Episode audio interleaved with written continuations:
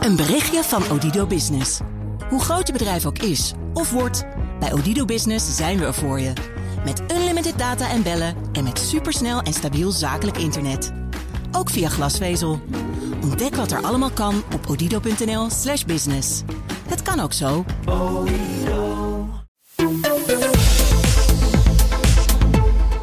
Bij de verkiezingen in Polen gisteren heeft de regerende PiS-partij niet genoeg stemmen gekregen om een meerderheid in het parlement, het Pools parlement, te krijgen. Tenminste, dat blijkt uit de eerste exit polls. PiS heeft 36,8% van de stemmen gekregen, is daarmee wel de grootste, maar niet groot genoeg om een, eh, om een meerderheid te krijgen of een coalitie te vormen. Zo lijkt het althans. En dan zou de grote winnaar wel eens Donald Tusk kunnen zijn. Pro-Europees. Bij ons Geert-Jan Haan, eh, vanuit Polen, is maker van BNR's Perestrojkast. Geert-Jan, goedemorgen. Goedemorgen, Bas. Ja, die even verkiezingen gisteren. Hoe is dat gegaan? Alles netjes en voorspoedig en iedereen eh, naar de stembus? Dat eh, moeten we nog afwachten, Bas. Want op dit moment is nog maar 3 à 4 procent van alle stemmen geteld. En eh, sommige stembureaus die eh, sloten ook pas na middernacht. Eigenlijk gaan de stembussen om 9 uur dicht. Maar als mensen al in de rij stonden, dan mochten ze daar blijven staan. En soms was er wat aan de hand bij een stembureau of waren er enorme rijen. En dat is denk ik het belangrijkste nieuws van gisteren dat we al kunnen melden. Dat er een opkomst van 73 procent was. Ter vergelijking, toen in 1989 Polen onafhankelijk werd en de communisten besloten weg te stemmen, was de opkomst 63 procent. Dus mensen hebben deze verkiezingen echt ervaren als een, eh, Een belangrijke ja, een nieuwe vorm van, eh, van, van, van solidariteit en belangrijk voor het land. Ja, precies. Als we nou even kijken naar de exit polls. hè. Op dit moment zien we dat de partij van, de, van de, eh, de zittende premier eh, minder zetels gaat krijgen. Ik geloof 200 tegen 235 in 2019, hè, de vorige verkiezingen. Eh, ja, dat eh, klopt op basis van de Ja. exit polls van 9 uur. En er zou vannacht een nieuwe update komen, maar die is nog niet Die geweest. is nog niet geweest.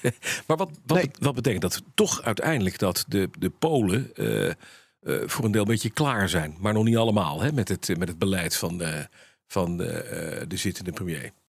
En wat het betekent is dat er eh, drie partijen, de nummer 2, de nummer 3 en de nummer 4, en de nummer 2 burgerplatform onder leiding van Donald Tusk, je zei het al. Ja. Nou, die zouden een meerderheid kunnen krijgen in het parlement. En dat zijn Mhm. drie partijen die meer pro-democratie en meer pro-Europa zijn. Ja. Mhm. Om het even vanuit ons te bekijken. Ehm, dan heb je de winnaar, PiS, wat jij zegt, de regeringspartij. Ja, daar hebben nog steeds ehm, eh, meer dan een derde van de mensen op gestemd. Eh 36,8 procent lijkt het op uit te komen. Maar inderdaad, als je het omrekent in zetels, kunnen ze in hun eentje niet regeren. Nee. En ook als ze samenwerken met de radicaal-rechtse Confederatia, dat is de vijfde partij die het parlement in is gekomen, de rest heeft de kiesdrempel niet gehaald, dan lijken ze het op basis van de exit polls niet te redden.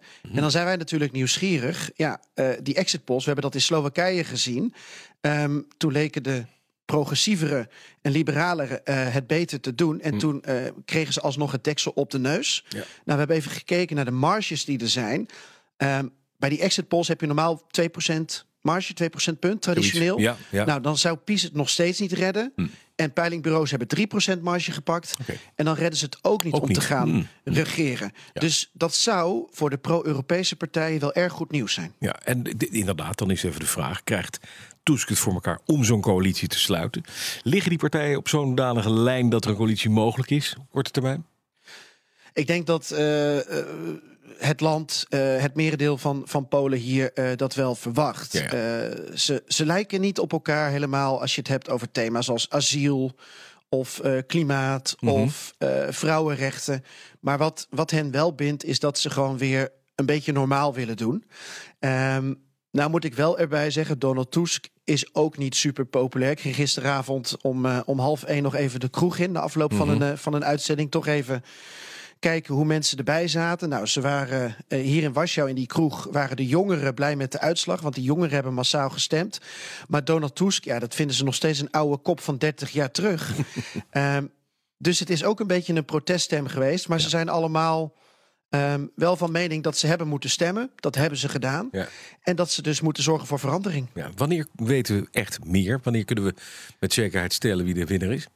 Dat is een ongelooflijk goede vraag. Want eigenlijk had het dus vannacht om twee uur gebeuren, ja. meer zekerheid moeten Ja, zijn. en we zijn nu een eindje later. Mm. Ehm, om 10 uur vanochtend. Uh, deze ochtend moet er een nieuwe update komen. En ik ga zelf om drie uur naar een uh, persconferentie van de OVSE hier in, uh, in Warschau. Die hebben gemonitord. Ja. En dan krijg ik ook beter zicht op welke uh, onregelmatigheden er eventueel zijn geweest. Want dan weet je ook welke kant het op gaat.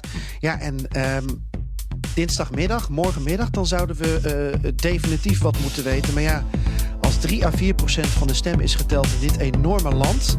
en het ook zo gepolariseerd is, ja, dan weet ik niet of we dat halen. Duidelijk, dankjewel. Geert-Jan Haan, maker van BNR Spirit Storycast.